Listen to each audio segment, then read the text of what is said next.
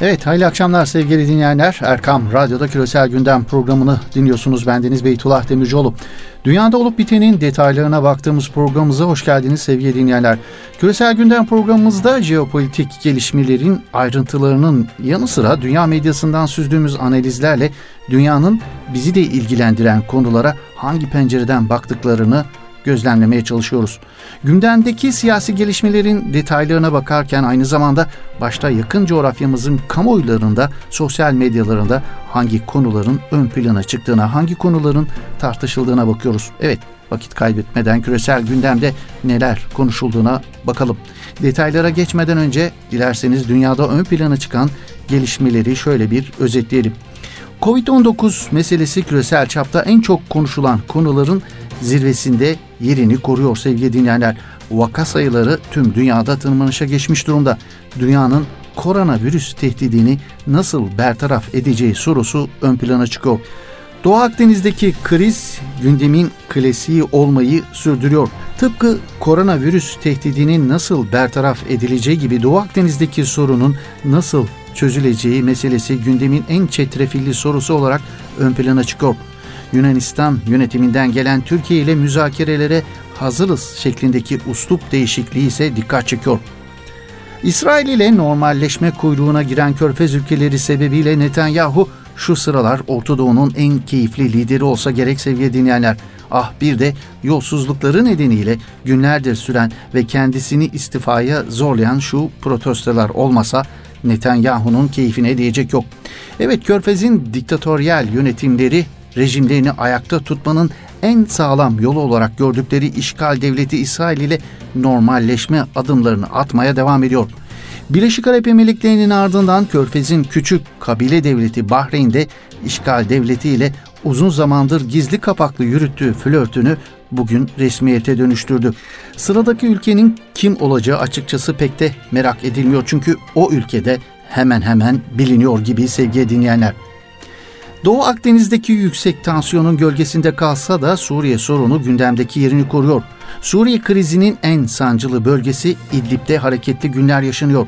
İdlib'i neler bekliyor? Libya ve Doğu Akdeniz'in sorunu İdlib'i nasıl etkiliyor? Rusya PYD ile ne yapmaya çalışıyor? Suriye ve Libya'da yaşanan çıkar çatışmaları Ankara-Moskova işbirliğini nasıl zorluyor? İlişkilerde doğal sınırın sonuna mı gelindi? Tüm bunlar Türkiye-Rusya ilişkileri bağlamında ön plana çıkan sorular. Bingazi'deki protesto gösterileri, tarafların askeri ve siyasi anlamda pozisyonlarını tahkim etme çabaları ve ekonomik krizle boğuşan Libya'daki belirsizlik. Oldukça kritik günlerden geçen Libya'da Ulusal Mutabakat Hükümeti Başbakanı Seraç'ın istifa edeceği yönündeki haberler Libya'yı yeniden küresel gündemde ön plana çıkartıyor. Bloomberg'in başbakana yakın kaynaklarına aktardığına göre başbakanlık görevini bırakacak olan Serac, Cenevre'deki görüşmeleri sürdürmeye ise devam edeceği belirtiliyor. Evet bu başlıkların ardından geçiyoruz detaylara sevgili dinleyenler.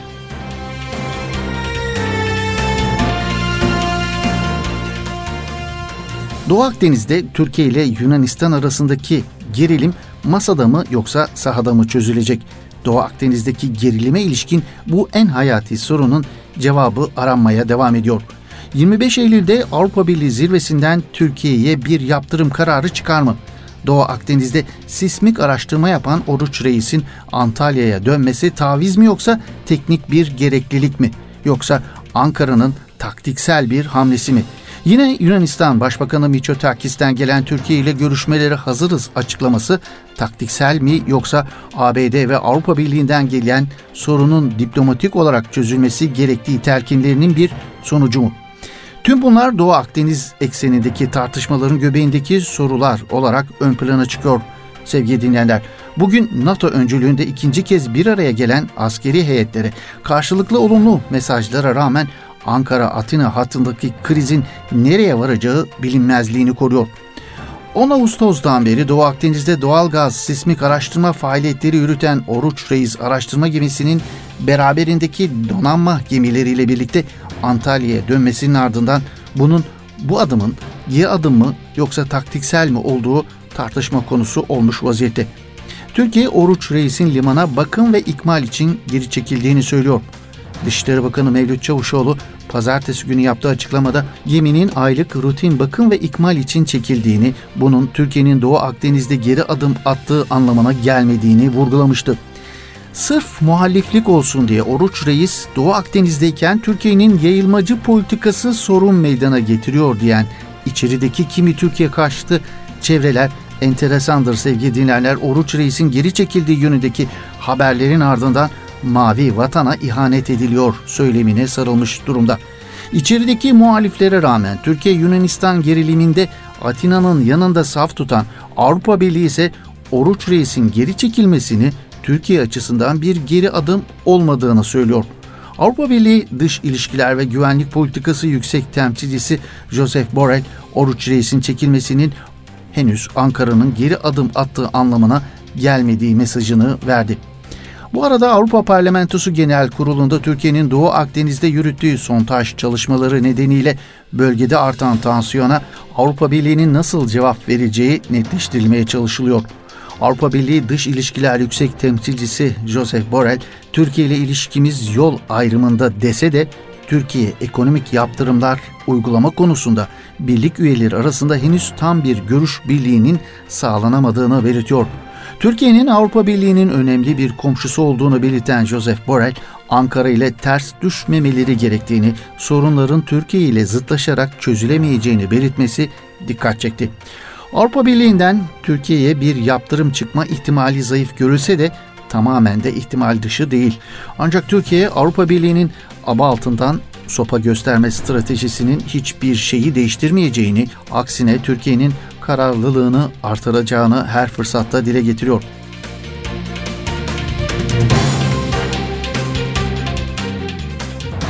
Ankara-Atina arasındaki krizin nasıl çözüleceği merakla beklenirken Amerika Birleşik Devletleri Dışişleri Bakanı Pompeo'nun Kıbrıs Rum kesimindeki temasları bir başka tartışma konusu olmuş durumda.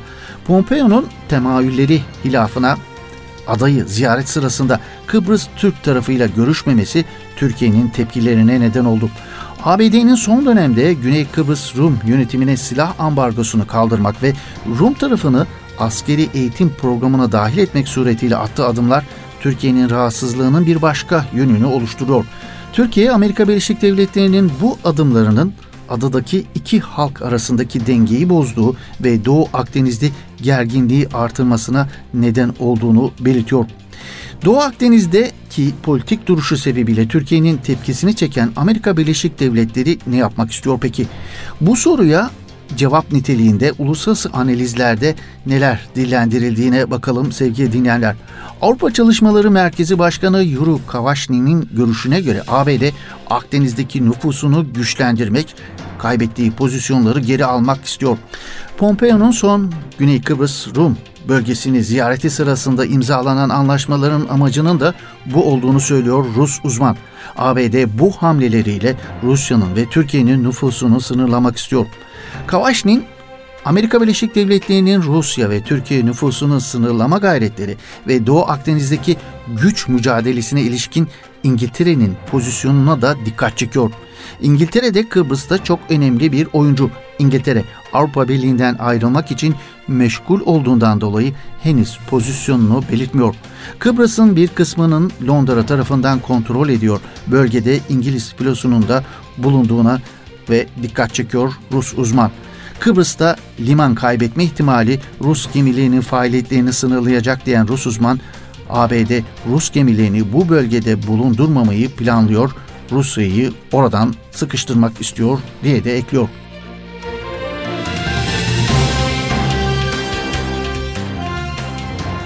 Doğu Akdeniz'deki gerilimin tırmanmasında en etkili olan aktörlerin başında Fransa geliyor sevgili dinleyenler. Atanamayan çakma Napolyon diye de anılmaya başlayan Fransa Cumhurbaşkanı Macron'un sadece Doğu Akdeniz'de değil neredeyse Fransa'nın tüm dış politikasını Türkiye karşıtlığına oturması kendi ülkesinin medyasında da eleştiri konusu olmuş durumda. Fransız La Pignon gazetesi Fransa Cumhurbaşkanı Emmanuel Macron'un Doğu Akdeniz konusundaki tutumunu eleştirdi. Gazete Macron'un Yunanistan'ın peşinden gitmesini eleştirerek Fransa'nın bölgede tansiyonu düşürmesi gerektiğini belirtti. Haberde Fransa'nın Yunanistan ve Birleşik Arap Emirlikleri'nin peşinden gitmemesi gerektiği aktarılarak Emmanuel Macron için meşru şekilde Yunanistan'ı güvence altına aldıktan sonra Cumhurbaşkanı Recep Tayyip Erdoğan ile oyunu sakinleştirmenin zamanı geldiğini belirtiyor gazete.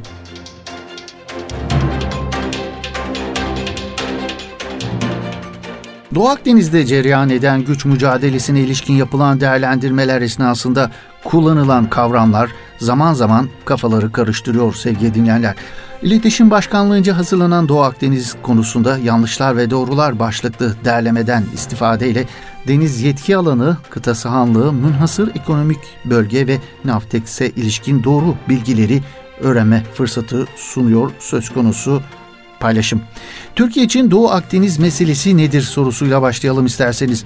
Doğu Akdeniz geçmişten günümüze kadarki süreç boyunca Kıbrıs sorunu, Suriye iç savaşı ve Lübnan sorunu, yine Libya iç savaşı, Türkiye ve Yunanistan arasında yaşanan Ege karasuları, hava sahası, adaların silahlandırılması ve kıta sahanlığı sorunları gibi birçok sorunun merkezinde kalan bölge olarak coğrafi açıdan da bölgeyi sınırı olan Türkiye, İsrail, Mısır, Kuzey Kıbrıs Türk Cumhuriyeti ve Güney Kıbrıs Rum yönetimi, Yunanistan, Lübnan, Suriye ve Libya'nın aktif politika yürüttiği alan olarak karşımıza çıkıyor. Bunun yanında sınır olmadığı halde dünyanın doğu ve batısını birbirine bağlayan ticaret yollarının ve petrolün geçtiği Doğu Akdeniz ile enerji kaynaklarının paylaşımı üzerine bölgeye kıyıdaş olmayan ABD, Rusya, İngiltere, İtalya, Almanya, Suudi Arabistan, Birleşik Arap Emirlikleri ve İran gibi ülkelerin de bölgeye olan ilgisi tüm yoğunluğuyla sürüyor.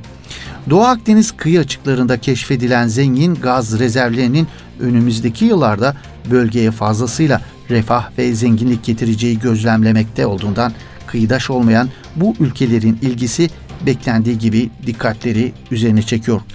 Birleşmiş Milletler Deniz Hukuku Sözleşmesi'nde bölgeye kıyısı bulunan ülkelerin diğerleri üzerinde bölgedeki haklarını sınırlandırma yetkisinin olmayacağı da vurgulanıyor. Ülkelerin yalnızca 200 mil haklarının kullanıldığı bu bölgelere münhasır ekonomik bölge denirken bahsedilen rezervlerin olduğu alanda çakışma yaşanması dolayısıyla bölgeler Birleşmiş Milletler'e sundukları münhasır ekonomik bölge anlaşmaları yanında kendi aralarında da ikili anlaşmalar yapma yoluna gittiler.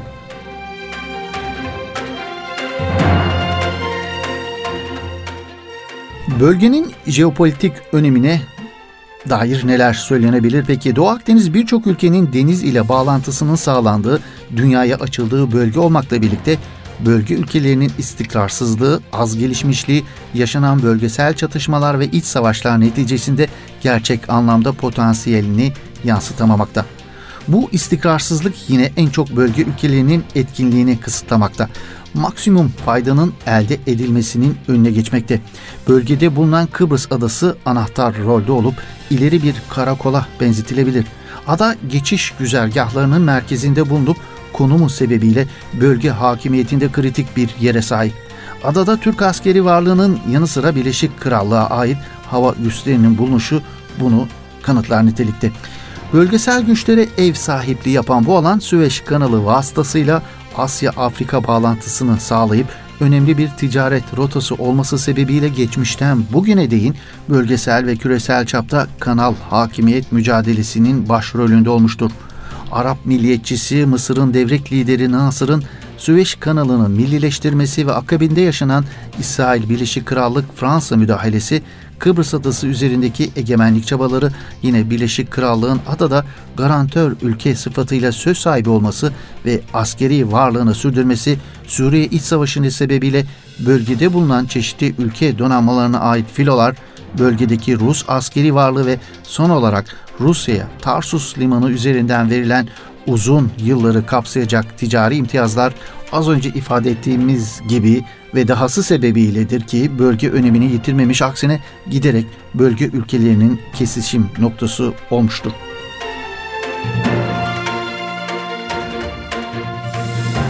Gerek Doğu Akdeniz'deki gelişmelerden kaynaklı, gerek Suriye'deki meseleler, gerekse Libya'da yaşananlarla alakalı olarak Türkiye-Rusya ilişkileri son derece önemli sevgili dinlerler. Doğu Akdeniz'deki yüksek tansiyonun bölgesinde kalsa da Suriye sorunu gündemdeki yerini koruyor velhasıl. Suriye'deki Kürt kartını Amerika Birleşik Devletleri'nin eline bırakmak istemeyen Rusya'nın son dönemdeki hamleleri oldukça dikkat çekici. Geçtiğimiz ay sonunda terör örgütü PKK, PYD, YPG ve Halkın İradesi Partisi heyetlerini Moskova'da bir araya getiren ve siyasi bir mutabakat imzalamalarını sağlayan Putin yönetiminin Suriye'de de Kürt bölgelerine özellik veren bir anayasa taslağı üzerine çalıştığı biliniyor.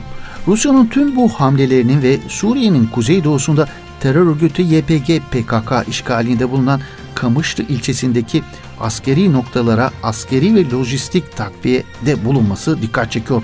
İşte bu haberlerin ajanslara yansıdığı bir dönemde Rus heyeti bugün Türkiye'ye geldi. İki gün sürecek temaslarda Suriye'deki gelişmelerin yanı sıra Libya meselesi de masaya yatırılacak. Son dönemlerde yaşanan tüm bu gelişmelerin gölgesinde Ankara-Moskova ilişkilerinin nereye evrileceği birçok analizin gündeminde. Türkiye ile Rusya arasındaki ve özellikle Suriye özelinde en sancılı bölgelerin başında İdlib geliyor. Bu sancılı ve bir o kadar da gergin bölgede yeni bir çatışma ihtimalinin çıkmasına dikkat çekiliyor. İdlib'de yeni bir çatışma kapıda mı Libya ve Doğu Akdeniz sorunu İdlib'i nasıl etkileyecek? Rusya PYD ile ne yapmaya çalışıyor? Suriye'de Rusya-İran rekabeti İdlib'i nasıl etkiliyor? Ortada uzmanın Serhat Erkmen Fikir Turu portalında yayınlanan analizinde bu soruların cevaplarını arıyor. Erkmen'e göre son günlerde artan şiddet olaylarına rağmen Rusya'nın ve rejimin İdlib'de yeni bir operasyon yapması beklenmiyor. Bunun gerekçelerini de taktiksel ve stratejik çatışma barometresiyle açıklıyor Serhat Erkmen. Stratejik düzlemden başlayalım isterseniz. Türkiye ve Rusya'nın rakip olduğu ya da benzer çıkarlara sahip olduğu alanlarda hızlı ama karmaşık gelişmeler yaşanıyor. Örneğin Libya'da her iki ülke karşı taraflarda yer alıyor. Türkiye Birleşmiş Milletler tarafından tanınan başkent Trablus merkezli ulusal mutabakat hükümetini desteklerken Rusya açıkça Halife Hafter'in yanında. Birkaç ay öncesine kadar bu iki taraf ciddi anlamda çatışırken her iki ülkenin karşı karşıya geldiği konuşuluyordu. Çatışma Sirte'ye varınca gerginlik doğruya çıktı. Şimdilik Libya'da askeri çatışma durmuş görünüyor. Fakat siyasi hamleler, ayak oyunları ve ittifakı genişletme çabaları devam ediyor diyor Serhat Erkmen. Diplomatik ve siyasi anlamda Fransa'dan ABD'ye Batı ülkelerinin girişimlerinde artış görünse de sahada çatışma çıktığında bunun asli aktörleri Rusya, Birleşik Arap Emirlikleri, Suudi Arabistan, Mısır ve Türkiye oluyor. Şimdilik Libya cephesi diplomatik olarak hareketli, askeri olarak ise sakin. Ancak Libya'da askeri hareketlilik başlarsa bunun İdlib'e yansıması çok güçlü olur. O yüzden barometrenin önemli göstergelerinden birisi Libya. Libya'da askeri hareketlilik hızlanmazsa ve çatışmaya dönüşmezse Libya'da bir çatışma zor görünüyor diyor Ortada uzmanı Serhat Ekmen. Evet, Serhat Erkmen stratejik düzlemin bir diğer konusu Akdeniz ve Karadeniz'deki gelişmeler diyor. Türkiye'nin bulduğu gaz rezervi Karadeniz'deki güç dengesini değiştirmeye başlarsa bunu bir çatışma işareti olarak algılamak gerekebilir diye de vurguluyor. Fakat iki ülkenin Akdeniz'de tam olarak karşı cephelerde yer aldığını söylemek zor. Türkiye'ye yönelik asıl tehdit Batı bloku ve Avrupa Birliği'nin oluşturduğu ittifaktan geliyor. Akdeniz'de gerginlik sürerken Türkiye Rusya'yı bir denge unsuru olarak görüyor. Rusya'nın yakın tutma olanağı bulduğu Türkiye'yi İdlib'de yapacağı bir harekatta uzaklaştırmasını beklemek pek mantıklı değil. Ancak şunun da altını çizmek gerekiyor. Eğer Doğu Akdeniz'de her şey Türkiye'nin aleyhine dönerse ve denge bozulursa Rusya Türkiye'nin yeni bir cephe açmak istemeyeceğini düşünerek İdlib'de rejim güçlerine yeşil ışık yakabilir değerlendirmesinde bulunuyor.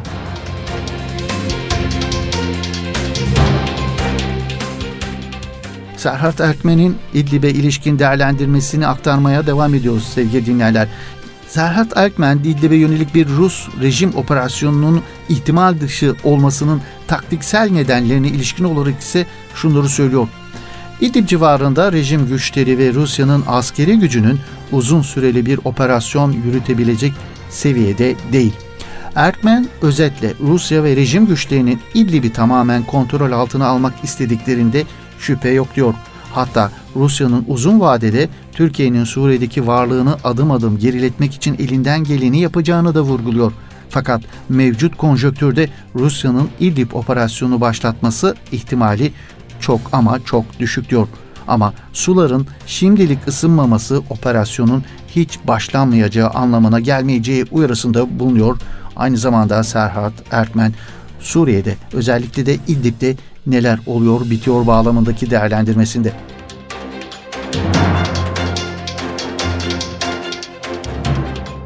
Hem Suriye'de neler olup bitiyor hem de Türkiye-Rusya ilişkilerinin geleceğine ilişkin yapılan analizlerden bir diğeri de Profesör Doktor Salih Yılmaz'a ait. Ankara Yıldırım Beyazıt Üniversitesi öğretim üyesi ve Ankara Rusya Araştırmaları Enstitüsü Başkanı Yılmaz, Türkiye-Rusya işbirliğinin gelecekte derinleşmesinde Çin ve İran'ın belirleyici olacağını vurguluyor. Çin'in Orta Doğu ve Afrika'da etkisi arttıkça Türkiye-Rusya ilişkileri de olumlu olarak etkilenecektir diyen Yılmaz, Türkiye'nin hızla sanayileşen bir ülke olduğunu, özellikle milli savunma sanayisi stratejisi çerçevesinde kendi silahlarını yapmaya başladığını belirtiyor. Ancak ABD ve Avrupa Birliği ülkelerinin bu silah sanayisine yönelik olumsuz tavırları Türkiye'yi Rusya ve Çin'den teknoloji transferine zorluyor. Yılmaz, askeri olarak gelişen ilişkilerde doğal olarak siyasi ilişkileri etkilediğini belirtiyor. Rusya'nın silah sanayisinde Türkiye ile işbirliğine gitme konusunda oldukça istekli davranması, teknoloji transferinden kaçınmaması, iki ülkenin birbirini tamamlayıcı özellikleri de bu durumu teşvik ediyor diyor. Türkiye'nin Avrupa Birliği umudunun kalmaması da kendisini yeni bloklar aramaya ittiğini belirten Yılmaz, Rusya'nın önderliğini yaptığı Avrasya Ekonomi Birliği ve Şangay İşbirliği Örgütü alternatifler içerisinde tek seçenek kalmış gözüküyor tespitinde bulunuyor. Birazcık da Rus penceresinden bakarak yaptığı değerlendirmelerde sevgili dinleyenler.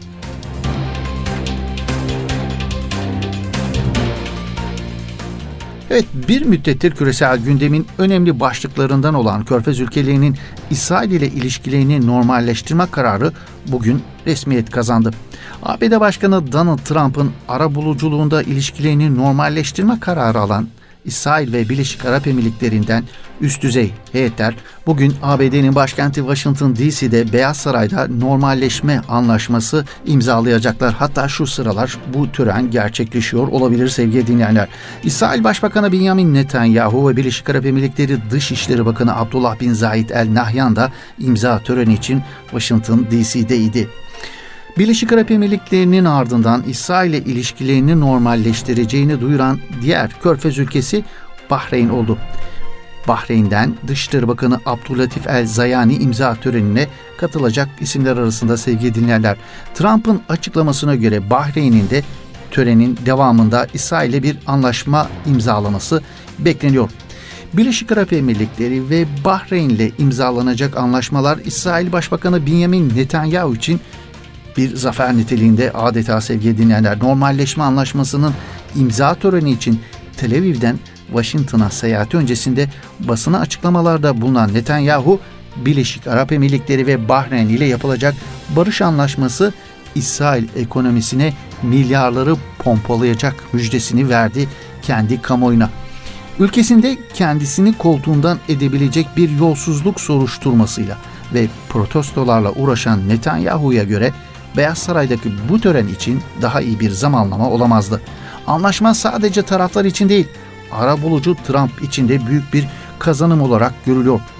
İki körfez ülkesinin de İsrail ile anlaşma imzalamasının ardından gözler Suudi Arabistan'a çevrilmiş durumda. Riyad yönetiminin de İsrail ile ilişkilerini normalleştireceği ancak Suud kamuoyunun buna birazcık daha hazırlanması gerektiği yönünde yorumlar dikkat çekiyor sevgili dinleyenler. Yine bu noktada Körfez ülkeleri üzerinde gücünü koruyan Suudi Arabistan'ın onayı olmadan Birleşik Arap Emirlikleri ve Bahreyn'in İsrail ile ilişkilerinin normalleştirme kararını alamayacağı vurgulanıyor.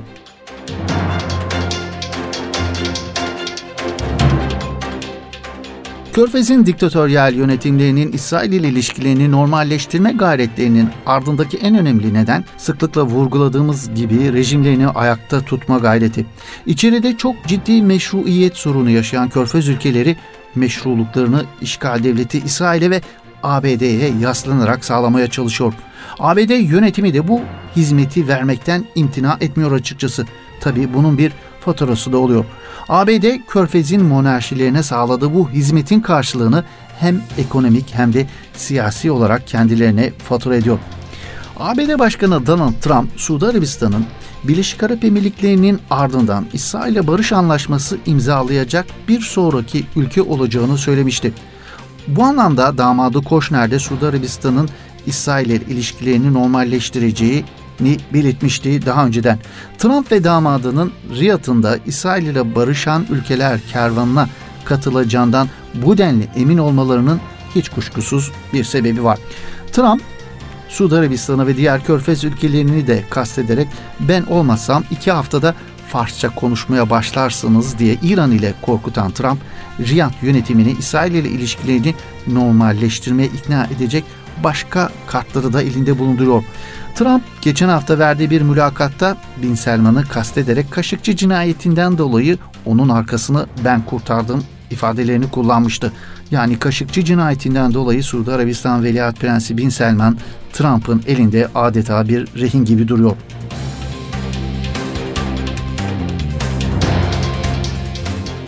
Kaşıkçı cinayetini Bin Selman ve Suudi Arabistan'a karşı bir şantaj unsuru olarak kullanan sadece Trump değil sevgili dinleyenler.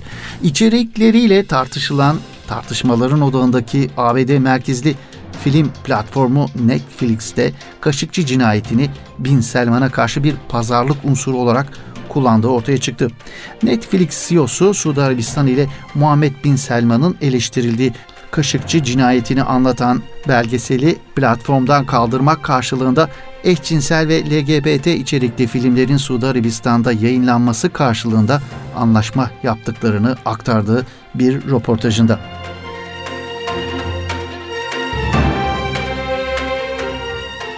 Körfez dünyasına ilişkin ve küresel gündemde dikkat çeken bir diğer gelişme Amerika'nın Katar ile ilişkilerini kesen diğer körfez ülkeleri arasını bulma gayretleri var sevgili dinleyenler.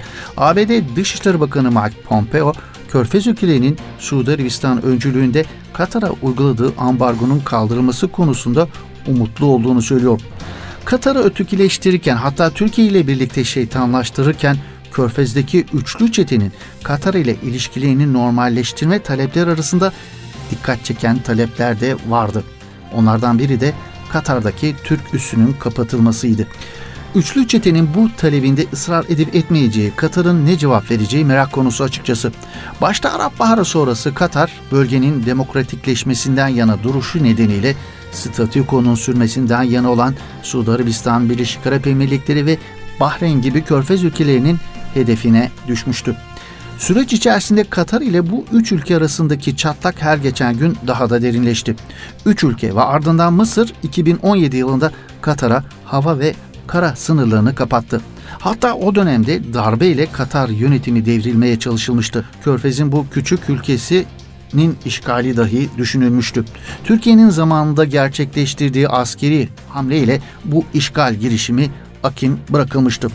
Körfez ülkeleri Katar'a yönelik ambargoyu sona erdirmek için 13 şartlık bir liste sundular.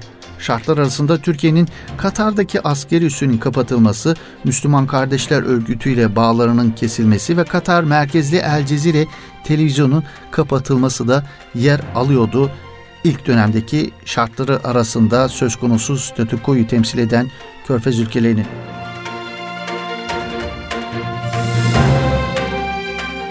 Evet, Katar'a ilişkin bu haber analizimizle bugünkü küresel gündem programımızın da böylelikle sonuna gelmiş bulunuyoruz sevgili dinleyenler. Yeni bir küresel gündem programında buluşmak ümidiyle. Hoşçakalın, iyi akşamlar efendim.